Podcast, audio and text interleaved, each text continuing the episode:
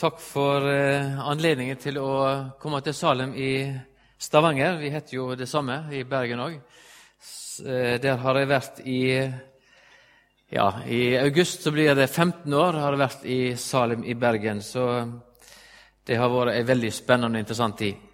Ellers så er jeg gift og bor på Sotra. Har fire barn, og de er gift igjen, så jeg har fire svigerbarn. Og så har jeg fire barnebarn og nesten fem. Om tre-fire uker så kommer nummer fem. Så jeg er kommet i den uh, situasjonen i livet at uh, desserten kommer. Barnebarna det er livets dessert, blir det sagt, og det kan jeg skrive under på. Buros, jeg på si, Buros to av de nå i Sandnes. Jeg har en sønn som er gift der nede og bor der nede. Så det vet jeg litt om han som står her. Og Jeg er som sagt ikke kommet for å preke om meg sjøl, men jeg har fått et tema og Nå eh, har jeg fått informasjon om at dette er en eh, undervisningstime. Eh, vi skal ikke holde på en time. Skal, jeg har fått 40 minutter, og jeg skal prøve å være slutt eh, i alle fall innen 40 minutter. Eh, men det er jo et heftig tema eh, jeg har fått til å si en del om i kveld. Og jeg må jo bare si det innledningsvis at det som er å si om dette klarer jeg ikke å få med på 40 minutter. Men eh, nå er det lagt opp til gruppesamtale etterpå, der det kan få lov til å komme de spørsmålene så de sitter og tenker hvorfor sa ikke jeg noe om det? Det burde han jo ha sagt. Det skal jeg få lov til å skrive ned på et ark og gi meg etterpå.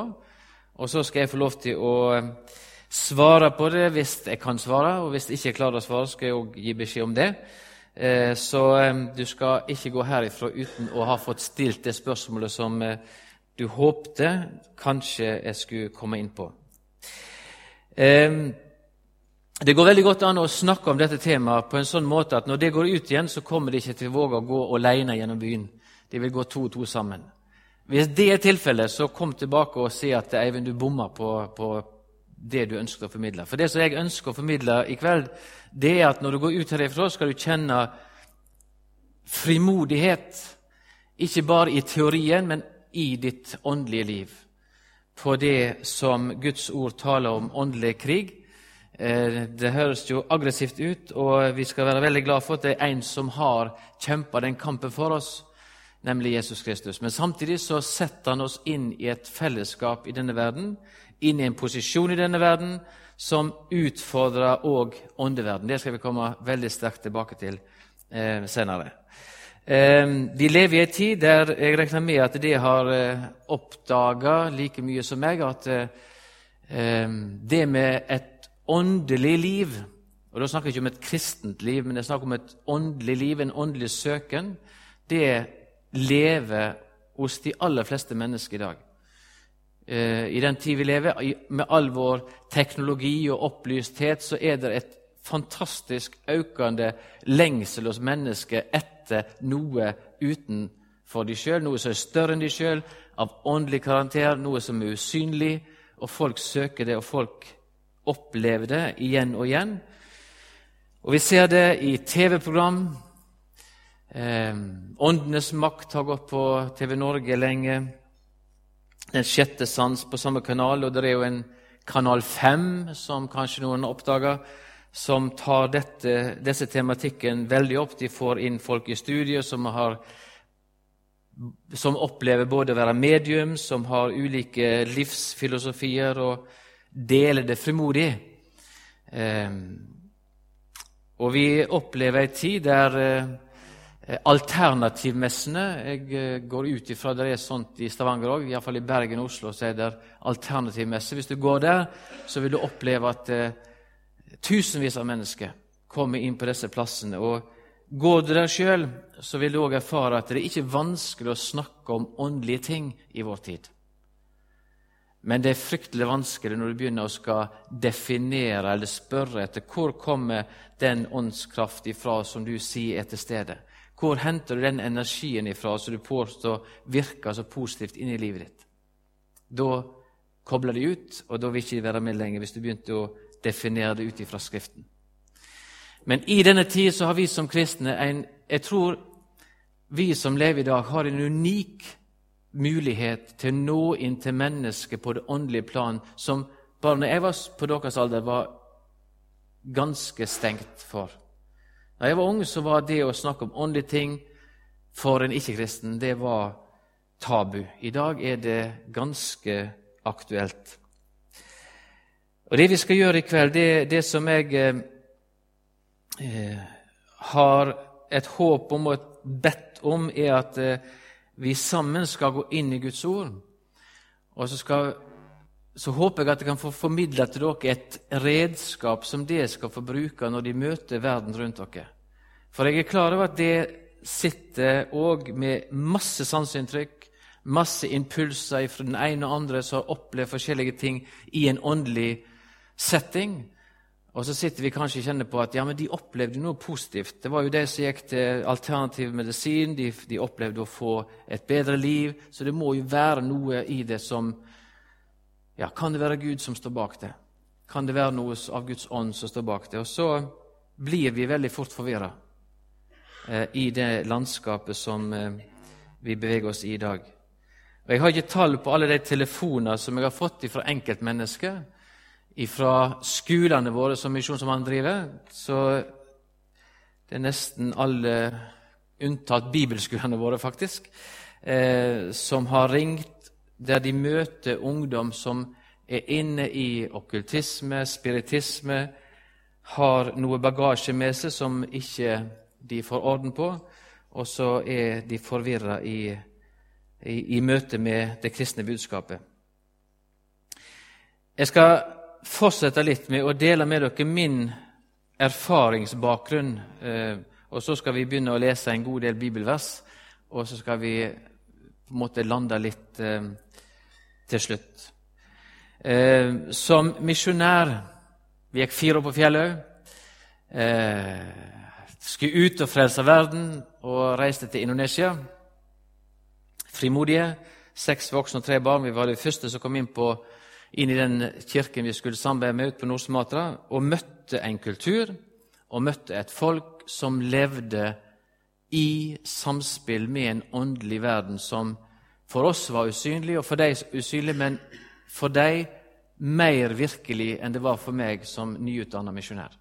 Jeg hadde en teori om at det var en åndeverden, at den vonde hadde makt, men jeg hadde ingen erfaring på den måten som vi fikk det ute i, Indonesia før jeg kom dit.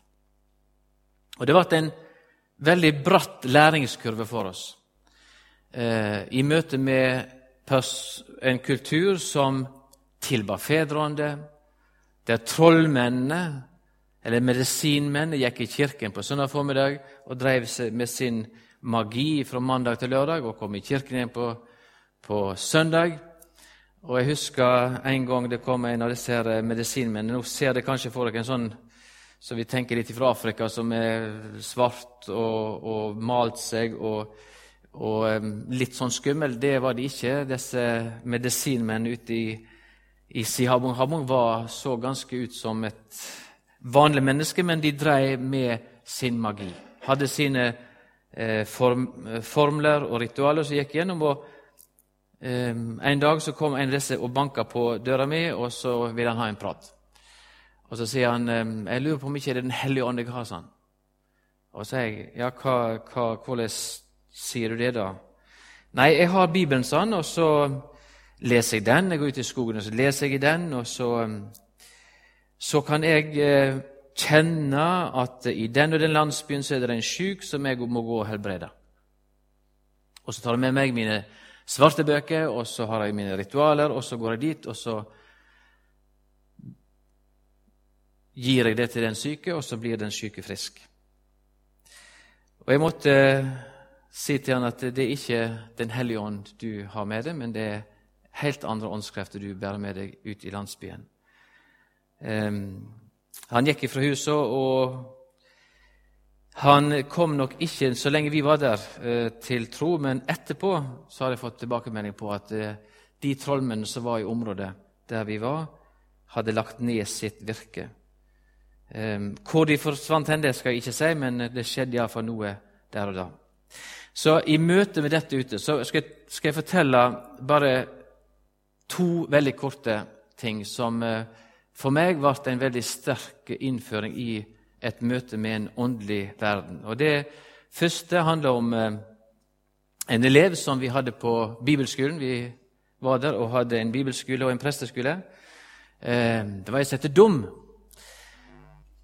Ja, Ikke så veldig kjekt navn å ha hatt i Norge, i alle fall, men hun heter Dum på indonesisk. Eh, hun kom til meg en dag og så sier hun at 'jeg klarer ikke å gå på bibelskolen'. sa hun lenger. For jeg, når jeg sitter meg ned og leser Guds ord, så gjør mitt hjerte, mitt sinn og min tanke opprør. Det, det, det bare streiker helt. Og så eh, spør hun hva kan det være. Et veldig utfordrende spørsmål. Men jeg, mens jeg tenker og skal prøve å formulere et eller annet svar, så kommer vi med et forslag til svar sjøl. Når jeg var en liten jente, så gikk jeg på skole på hjemplassen min. Eh, da var jeg et problembarn. Eh, jeg klarte ikke å tilpasse meg skolen. Jeg klarte ikke å, å innfinne meg med de retningslinjer og ordensregler som var der, så jeg kom på kant med alle og med lærerne, og jeg ble rett og slett utestengt fra skolen. Og I den fasen så hadde faren tatt tak i henne og så hadde han sagt nå skal vi gå til onkelen din, han er trollmann, og han kan sikkert hjelpe deg med et eller annet så du, du får skikk på, på, livet ditt. Og Dum hun forteller at eh, faren og hun gikk til onkelen. Han fant fram sine svarte bøker, han henta fram noen ingredienser. Han formulerte noen bønner over dette, og hun fikk beskjed om å spise det han hadde lagt fram. Eh, det var noe egg, det var noe dyrefett, det var litt forskjellige ting som hun skulle, skulle spise. Og så går Dum tilbake til skolen, og alt ordner seg. Hun blir integrert, får venner, og læreren aksepterer henne igjen. Og vi kan jo ut ifra vår kunnskap kanskje si at ok, her var noe hun fikk, som tok, trodde sterkt på det, en placeboeffekt, og hun endra karakter. Men så kommer hun altså til meg og så sier hun, jeg tror det må være det som jeg gjorde for mange mange år siden, som i dag er med å hindre meg i å, i å oppleve at Guds ord når inn til meg. Og så sier hun, kan ikke du be for meg? Kan ikke du be for meg at det krafta i det jeg gjorde for mange år siden, blir brutt? Og så sier jeg jo, det skal vi be. Og så skal du igjen be Jesus komme inn i hjertet ditt. Og jeg sier, kjære Jesus, må du bryte kraft i det som de spiste for mange år siden, og de ber Jesus komme inn i mitt liv. Og Så skilles vi, og så møtes vi dagen etter på bibelskolen. Og På lang avstand så ser jeg at hun har, det har skjedd noe med henne. For hele ansiktet er forandra. Og så går jeg bort til henne og spør jeg, hva, hva er det som har skjedd med deg. sier jeg. Og så forteller noe som vi ikke kan forklare menneskelig, fornuftsmessig, vitenskapelig bevise annet enn det hun sa. For hun sier i går, før jeg gikk til sengs, så kom alt det jeg spiste for mange mange år siden, ut igjen den naturlige vei. Og Da kan jeg bare informere dere at det er ikke noe sånn vannklosett ute i bushen der som jeg var på den tiden. Det var ute i en plass ute, og det var råd til å se det som kom ut. Så hun hadde registrert at det som hun hadde spist for mange år siden, kom ut igjen. Og så fikk hun oppleve frihet. Eh, og Det var ikke eneste gang vi opplevde det. Vi fikk eh, oppleve det flere ganger. Det, det lærte meg noe om at det, det er noe reelt i den åndeverden som Guds ord omtaler. Og aller mest så gjaldt jo det i møte med besatte mennesker. Det var ikke mange ganger vi opplevde det, men det var eh, et, ja, kanskje tre-fire ganger i løpet av de sju årene vi var i Indonesia. Vi fikk oppleve befrielse av besette mennesker. Det, det, er ingenting som jeg husker sterkere enn akkurat det øyeblikket første gangen vi fikk oppleve å si over et menneske i Jesu navn far ut, eh, og ånden forlot det mennesket. Og mennesket reiser seg opp og er fritt i Jesu navn. Det er en sterk opplevelse. Eh, så kom vi hjem og møter igjen at eh, disse ting er på vei også inn igjen i vår egen kultur. Og Før vi går videre nå, så skal vi se litt på det som Bibelen kaller som sitt verdensbilde, altså Bibelens verdensbilde. Der har vi en veldig sånn eh, skjematisk eh, framstilling. Jeg skal prøve å forklare det. For for meg så har det vært med og, og hjulpet meg i møte med disse fenomenene som vi opplevde på misjonsfeltet, og det som vi opplever her hjemme i dag. Der mennesker søker, får kontakt, opplever kraftige ting, opplever helbredelse, opplever visjoner, opplever å se inn i framtid, fortelle hva som har skjedd hos de døde, og alt dette eh, som vi erfarte òg ute i Indonesia. Um, Gud står øverst. Det kommer vi ikke utenom når vi møter Guds ord. Gud er den suverene Eh, hersker over alle ting. Han er den som var der før alt annet var der. Han var ifra evighet og kommer til hver til evig, evig tid, står det i Guds ord. Derfor så er Gud der uten noen ramme rundt. Han har ingen begynnelse, han har ingen ende. Han kommer til å være til evig tid. Eh, Gud er allmektig, Gud er allvitende, Gud er alle nærværende. Alle disse tingene kjenner det sikkert til. Men så forteller Bibelen oss om et fall i engleverden. Forteller oss at det var engler som gjorde opprør mot Gud, ville ta Guds plass. Gud kasta de ut. Og det oppstår en åndeverden som er Gud imot. Og Derfor så er det åndeverden ramma inn i en svart klamme. Den har en begynnelse. Vi kan ikke tidfeste det, for den var før vi ble skapt. Men Guds ord forkynner oss veldig klart at åndeverden skal få en definitiv ende når Jesus kommer igjen for å holde dom. Like sikkert som det var oppretta ved et fall, skal den òg få en ende når Jesus kommer og skal sende Satan og hans ånd her i eldovnen, eller eldsjøen, som det står.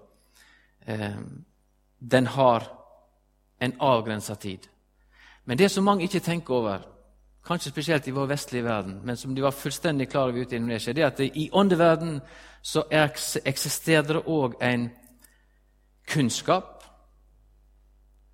en kraft. Vi har kunnskap både om fortid og om framtid. Så når mennesket i dag står fram og påberoper seg å være medium for de døde, så er det ingenting annet enn den åndelige verden de er i kontakt med,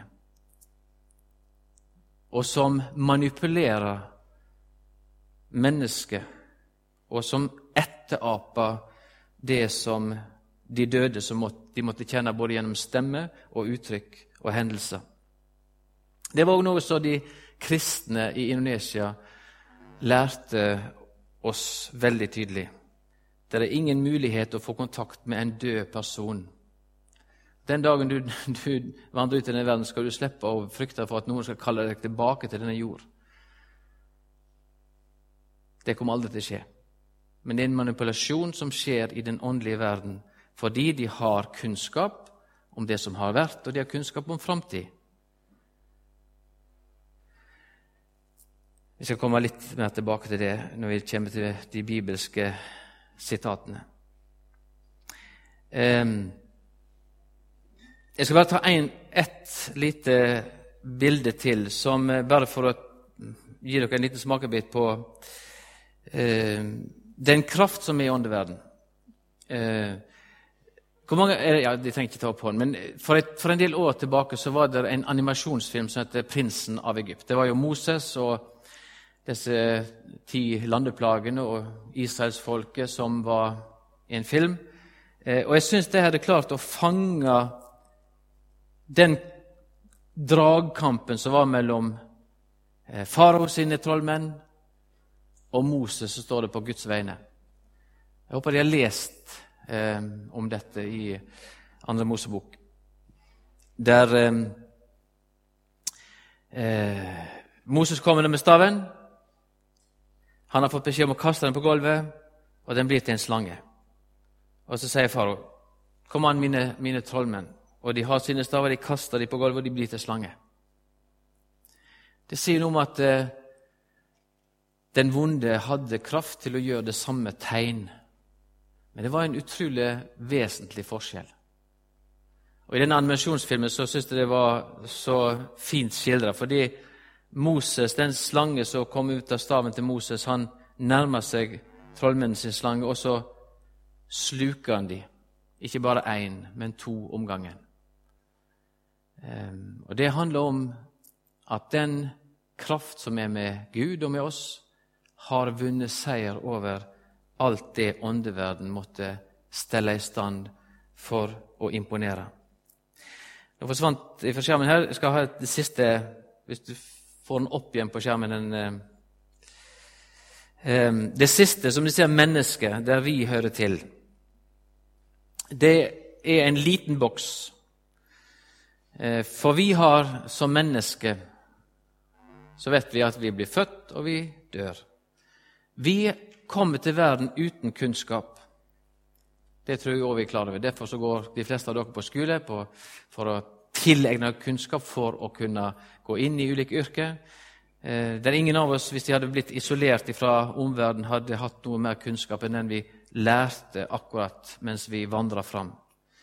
Derfor sier Guds ord skal vi få tak i noe av åndelig karakter, som ikke vi ser med våre øyne, som vi ikke kan ta på eller føle på, så må vi på en måte enten prøve å søke det sjøl, eller få det åpenbart for oss. Og Det som skjer med oss mennesker fordi vi er ånd, sjel og legeme, så ligger det i alle mennesker en lengsel etter noe å tro på, noe som er større enn oss, og når vi søker det i egen kraft, så sier Guds ord veldig klart vi kan aldri finne Gud, Bibelens Gud, av egen kraft. Gud må stige inn i vår verden for å åpenbare. Og det Gud stiger inn i vår verden ved Jesus Kristus. Åpenbarer seg som Gud. Og den som får ta imot Jesus Kristus som sier Herre Frelser, blir født på ny, sier Guds ord og får Guds ånd i sitt liv, som åpenbarer for oss sannhetene i Guds rike. Hemmeligheten, eller løgndommene som heter på, på nynorsk, blir åpenbart for den som søker Gud etter at Gud har åpenbart seg for ham. Det er det fantastiske budskapet. Det skal vi understreke enda mer. Men den som ikke får del i Guds åpenbaring, men søker det åndelige, vil kun finne åndeverden. Det sier Bibelen veldig klart. Og Derfor så blir det sånn at eh, Bibelens budskap til oss er utrolig viktig med tanke på at Gud bryter gjennom inn til oss, og han bryter vei ut igjen for oss ved Jesu Kristi oppstandelse fra de døde. Ok, Det var litt om, eh, om eh, Bibelens verdensbilde. Nå skal vi gå til de bibelske tekstene. Jeg må følge med på tiden. Eh, vi kommer til å lese en del bibelvers som taler mye for seg sjøl, men vi skal likevel kommentere litt. Efeserbrevet 6, 10-13 skal vi begynne med. Efeserbrevet 6, 10-13. Og ellers vært sterke i Herren og i Hans veldige kraft Ta Guds fulle rustning på dykk, så de kan stå dykk mot djevelens lumske åtak. For vi har ikke strid mot kjøtt og blod, men mot maktene, mot herrevelder, mot vertsens herskere i dette mørket, mot vondskapens ånde her i himmelrommet. Ta de for Guds fulle rustning på, så de kan gjøre motstand på den vonde dag og bli stående etter å ha vunnet overalt. Bibelen eh, forteller oss at det er ingen nøytral sone for oss mennesker. Um, og Det er flere aspekt som er viktig å legge merke til i det som uh, Paulus her understreker. Den kraft som vi blir formana til å ikle oss som tro på Jesus Kristus, det, det handler om den kraft som reiste Jesus opp ifra de døde, der han sprengte døden. Deg være ære, Herre over dødens makt, sang vi Eh, innledningsvis her. Fantastisk vitnesbyrd og fantastisk sannhet. Den kraft skal du og jeg få lov til å ikle oss i denne verden. For ved den kraft som eh, reiste Jesu opp for de døde, så demonstrerte Gud at den vonde har ikke den autoritet lenger. Han er nedkjempa. Det andre som eh, teksten peker på, det er det faktum at det er en rustning som du og jeg skal få lov til å ta på oss. Og du gjør vel i å sette deg inn i hva det går ut på. Men det er en rustning som Gud har gjort ferdig for oss, som Han ønsker at du og jeg skal ikle oss ved troen på Jesus Kristus. Og For det tredje så sier den teksten at eh, din og min kamp i denne verden, det er ikke mot kjøtt og blod. Det betyr at eh, det er ikke mennesket vi kjemper imot, men det er åndelige krefter. Derfor er alle de uttrykk som, som Bibelen, eller som Paulus her lister opp i Efeserbrevet 6, det handler ikke om makt eller myndigheter, regjeringer eller storting eller andre statlige autoriteter, men det handler om åndelige krefter som eksisterer i himmelrommet rundt oss, sier Guds ord. Det er vår motstand. Og Derfor så tenker jeg i mitt eget kristenliv Jeg som menneske har av naturen noe i meg som eh, automatisk søker åndeverden og ikke Gud. Mitt gamle menneske, mitt kjøtt. Og Det tror jeg vi alle sammen må erkjenne, at det, eh, det er noe tilfredsstillelse som, som kommer inn i vårt liv når vi kjenner at mitt gamle menneske, mitt egosentriske liv, mine lyster, mitt begjær, blir fora med ting som vi vet kommer ifra den vonde. Og Det skal vi ta med oss som kristne og kjempe imot. At det er den Guds ånd som Han har åpenbart inn iblant oss, som Han gitt oss ved troen på Jesus Kristus, som er den ånd du og jeg skulle søke i vårt daglige liv. Og Jeg skal dokumentere akkurat dette ut ifra Skriften. Igjen Efeserbrevet 2, 1-3. Og Legg merke til hvordan Paulus argumenterer overfor efeserne som var nyomvendte. Det lå ganske tett oppi hukommelsen deres hvor de hadde vært før. Dykk òg har han gjort levende, det som var død på grunn av misgjerningene synderes. For Gud så var de døde fordi at de var i dette mørket under åndeverden. Alle mennesker som ikke kjenner Gud, er i et mørke utestengt fra Gud, i Guds øyne død. Men, sier han, de er blitt gjort levende. Det som var døde pga. misgjerningene syndiker. I disse ferdast vi før etter denne verdens vis. Og legg merke til hva som står. Etter hovdingen over makten i lufta, den ånda som nå verker i bånda åt vantrua. Han sier rett og slett at eh, den autoritet som regjerte dere før, de var den kristne, den tilhørte han som er herre over maktene, eller hovdingen over makten i lufta. Den ånd som nå verker i barna åt vantrua. Og mellom dei ferdast vi alle før etter lystne i vårt kjøt, og vi gjorde det kjøt og tankene ville. Av naturen var vi vreidens barn liksom de andre. Guds ord setter det helt klart inn i en åndelig setting. Enten du er kristen eller ikke kristen, så er du under et åndelig autoritet. Men la oss lese 1. Peter 3, 18. For der møter oss et bibelvers som er viktig for oss. For Kristus òg lei en gang for synder, en rettferdig for urettferdige, for å føre oss fram til Gud, Han som lei døden i kjøtet, men vart gjort levende i anden. Kanskje noen tenker ja, hæ, mm, hva betyr det? Det betyr nettopp det jeg har understreka. Gud blir menneske, kommer til oss i vår lignelse som menneske i kjøtt og kommer inn under åndeverden, ikke som en fange. Og Derfor så ser vi fra dag én når Jesus stiger fram, så er den vonde der på han og skal friste han til å gå bort ifra sin frelsesplan. Men som menneske så reiser Jesus seg opp imot den autoritet som holder oss ned i fangenskap. Og så sier altså Peter han har kjøpt oss fri ved at han gjorde soning i sitt eget kjøtt. Derfor så var det så viktig for Jesus å bli menneske. La oss lese Romerbrevet 8,2 òg. For lova åt livsens ande har i Kristus Jesus gjort meg fri fra lova åt synda og døden. Så eier jeg, som tror på Jesus Kristus, en frihet ifra den autoritet som jeg var underlagt i mitt gamle menneske. Jeg er frikjøpt. Og Det er ikke fordi at jeg har kjempa den kampen, men fordi Jesus har kjempa den for meg. Og Det var det som var det fantastiske i møte med kanskje aller mest i møte med besatte mennesker. For jeg husker første gangen jeg var, jeg var redd. Ei ung kvinne var første møte som kasta seg ned, reiste seg opp, hylte og skreik. Og jeg tenkte dette er en person som, som eh, det har klikka for.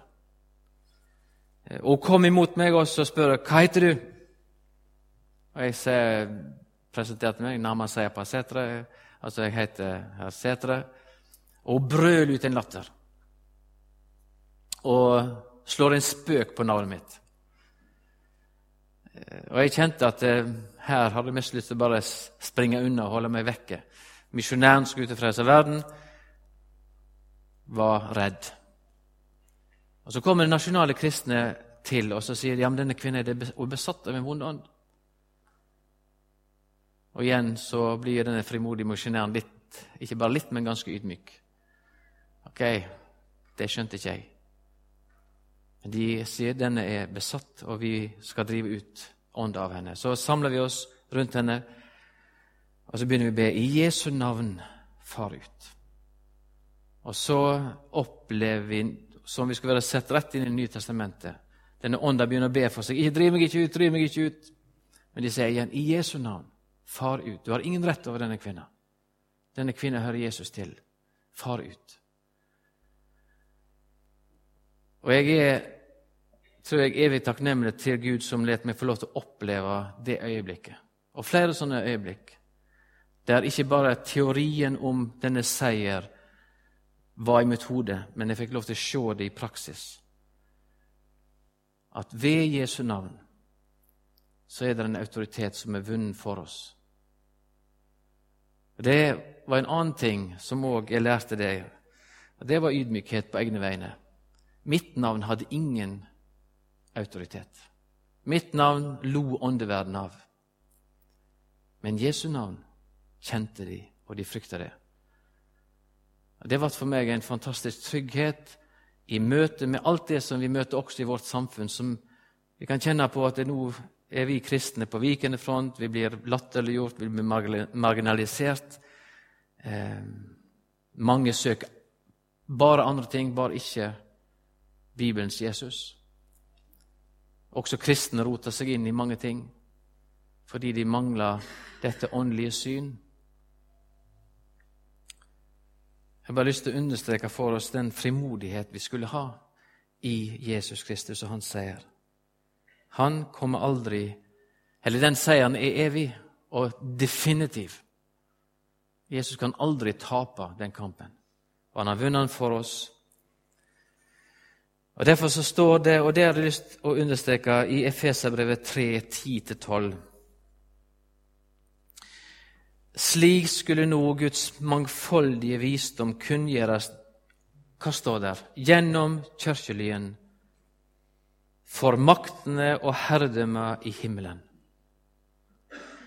Vi tenker, og jeg har snakket litt sånn kanskje at vi tenker ok, jeg er meg, og Gud er Gud, og så er det oss to, og det er riktig på mange områder. Men vi som forsamling, vi som menighet, har en funksjon sammen. Og det sier Guds ord her veldig tydelig Jeg skal lese en gang til vers 10. Slik skulle nå Guds mangfoldige visdom kunngjøres gjennom kirkelyene for maktene og herredømmet hvor henne i himmelen. Når du og jeg samles som Guds folk, så er vi et vitnesbyrd for Gud, men også for maktene og myndighetene. For hver menneske som Gud får åpenbare sitt ord for, og som får ta imot Han, så vinner vi en seier. Så vinner Guds rike en seier, som er et vitnesbyrd om åndeverdens nederlag. Og så står det i vers 11 og 12.: Dette hadde Gud sett seg føre fra evige tider, og han fullførte det i Kristus Jesus, vår Herre. I Han har vi frimod. Og ved trua på Han får vi stiga fram med tillit.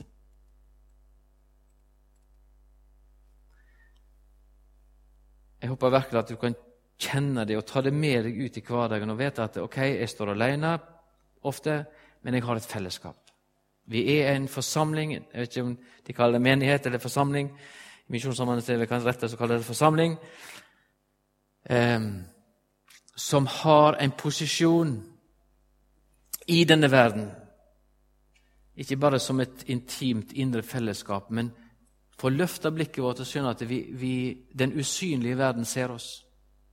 Gud ser oss og fryder seg. Åndeverden ser, ser oss og skjelver. Tenk hvis de kristne begynner å oppdage hva de er en del av. Tenk om de kristne begynner å reise seg i frimodighet i Jesu navn.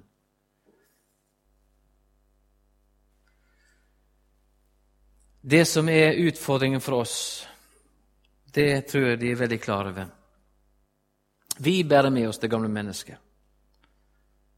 Og det gamle mennesket vil kjempe imot vår frimodighet. Det gamle mennesket vil føre oss til fall. Den vonde har en adgang inn i mitt liv gjennom mitt gamle menneske. Og når jeg legger ned mine våpen, som Gud sier jeg skal ta på, så har ofte den vonde en fritt vei inn til mine ord, mine handlinger, mine tanker. Derfor så formaner Guds ord oss igjen og igjen om å være i Guds ord, leve i Guds ord. Så vil vi òg skjønne og skille mellom rett og galt.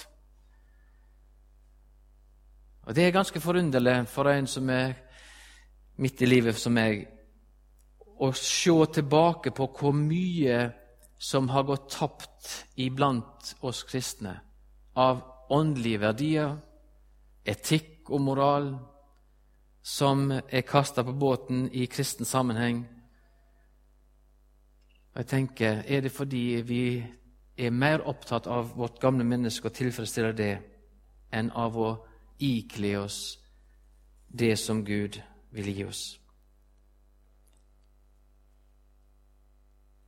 Hvor snublende det er for oss Nå skal jeg øyeblikksslunde av. Eh, finner vi veldig godt i Peter. I det ene øyeblikk så har han en stor bekjennelse av Jesus, du er den levende Guds sønn. Og Jesus sier, 'Fantastisk, Peter.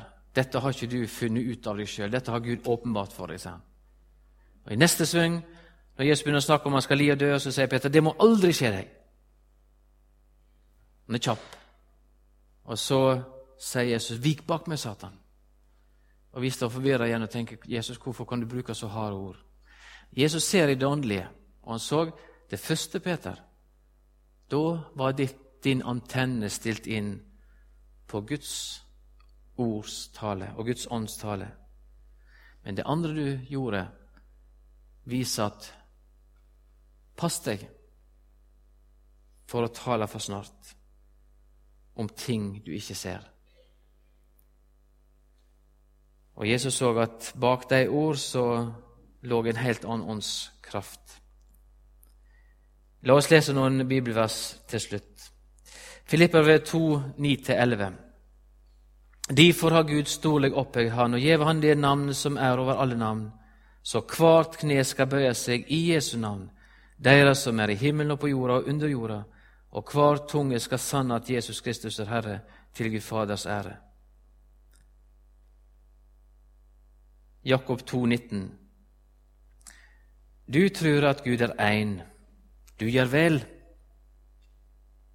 Også de vonde åndene tror det og skjelv.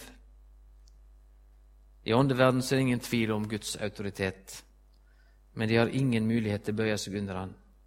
Det har vi. Kolosserbrevet 2, 14 og 15 skal vi ta med til slutt. Han strøk ut, altså Jesus strøk ut skuldbrevet mot oss, det som var skrevet med bord, det som gikk oss imot. Det tok han bort, og han nagla det til krossen. Fantastisk budskap. Han avvæpna maktene og herredømmer og synte dem åpent fram da han viste seg som seierherre over dem på krossen. Jesus har seira. Og vi kunne lest mange andre bibelvers. Så oppsummeringen som jeg har lyst til å komme med, det er i ei forvirra tid, der vi blir pådytta mange ting ifra, av åndelig karakter. Eh, Nyreligiøsiteten florerer. De alternative medisiner florerer. Skal inn på sykehus.